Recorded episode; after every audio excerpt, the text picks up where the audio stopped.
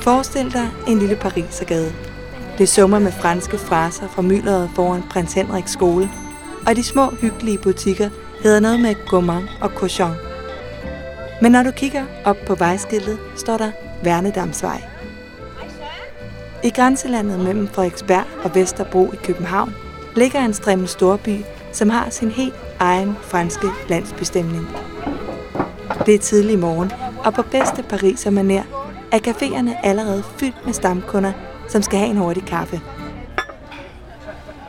Ja, så sidder vi på granola. Og min yndlingsspot.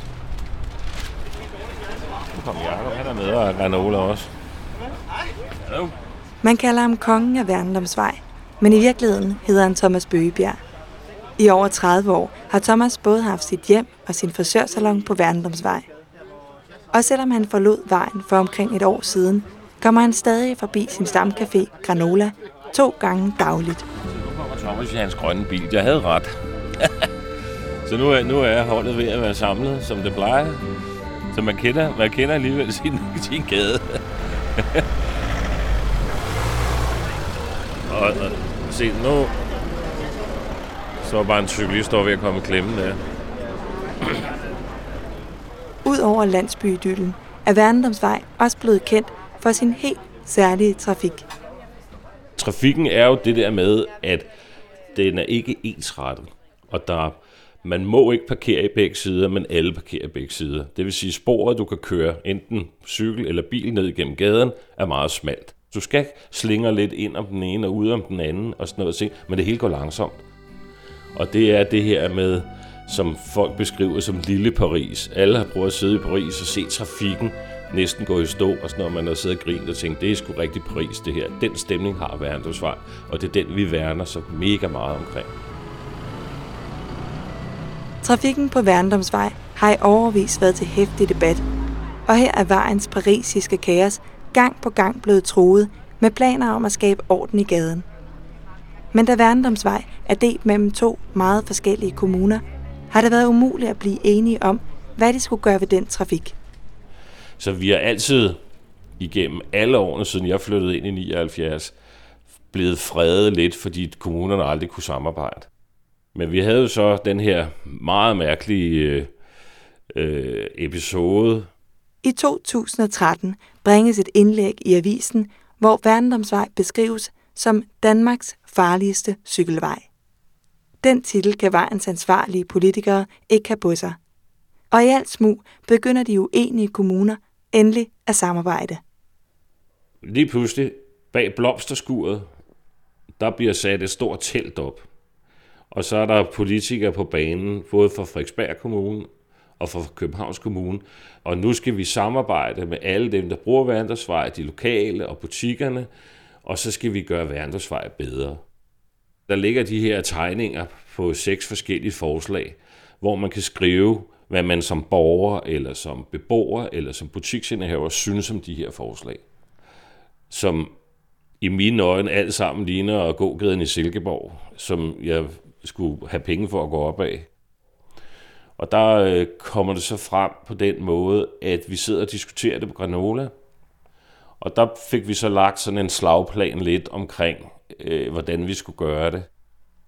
Det lokale slæng beslutter sig for at samle en front, der i fællesskab kan tage kampen op for bevarelsen af Værndomsvej.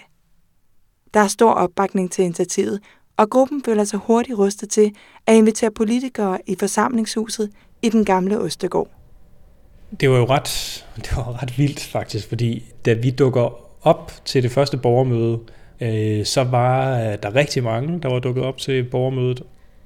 Simon Akkesen fra De Konservative i Frederiksberg Kommune er en af de fremmede politikere. Han bliver glædeligt overrasket over borgernes stærke tilslutning til sagen. Til gengæld er kommunerne småt repræsenteret til mødet, så Simon stiller sig til skud for deres forslag om at lave Værndomsvej til en sivegade med mulighed for at lukke af for trafikken. Det er måske skrækscenariet for alle, der sidder der. Og lige pludselig så flækker hele salen af grin, ikke? Og så siger jeg til ham, at du må meget undskylde mig, hvor, hvor meget har du været i gaden? Og det måtte han øh, indrømme, det havde han ikke været særlig meget. Så siger jeg, hvis du tager på ferie, hvis du, hvor, tager du nogensinde på Storby? Ja, men han elskede Paris. Det vil sige, når du så tager til Paris, så pisker du over på den, den her by, du nu er i, og deres hovedgågade. Og det er der, du synes, det er hyggeligst at gå rundt. Nej, det var der absolut ikke. Han ville op i Latinerkvarteret, op i de små gader.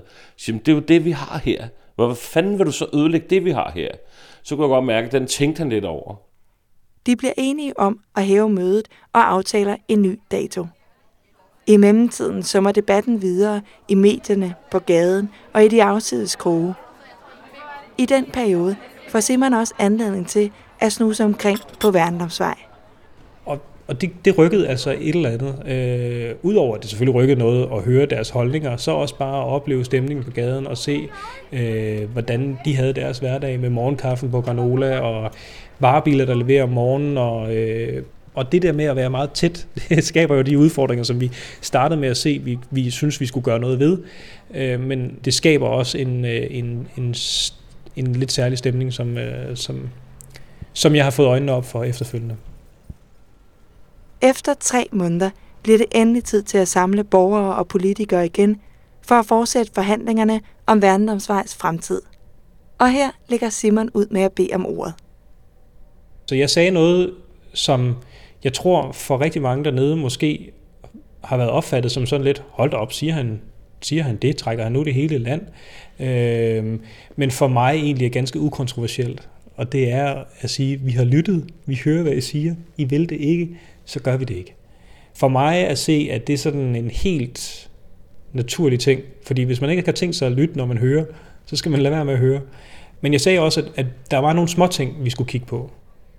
Med et forvandles stemningen i salen. Paraderne sænker sig, og forhandlingen om fremtiden for Værndomsvej begynder at tage form. De indgår kompromiser og når frem til det endelige resultat. Et par toppede brosten, et cykelstativ og to træer. Der er jo masser, der, der besøger Værndomsvej, som, som siger, jamen, øh, skulle, ikke, skulle det ikke laves om? Jamen, det er lavet om. Hvor, hvorhenne? Altså, det er der ingen, der, der ser, vel? Så altså i min verden har vi vundet kampen. Efter, jeg, efter den proces, så endte det faktisk øh, med, at jeg købte en lejlighed øh, relativt tæt på Værndomsvej. Så nu har jeg min daglige gang dernede, og sætter, sætter meget stor pris på det. Endnu en gang blev Værndomsvej fredet, og den lille vej har fortsat sit helt eget særlige liv.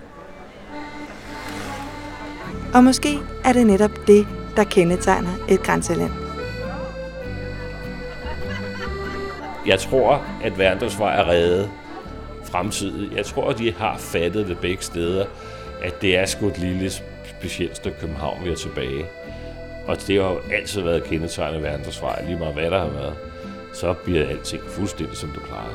Og livet er fuldstændig det samme igen.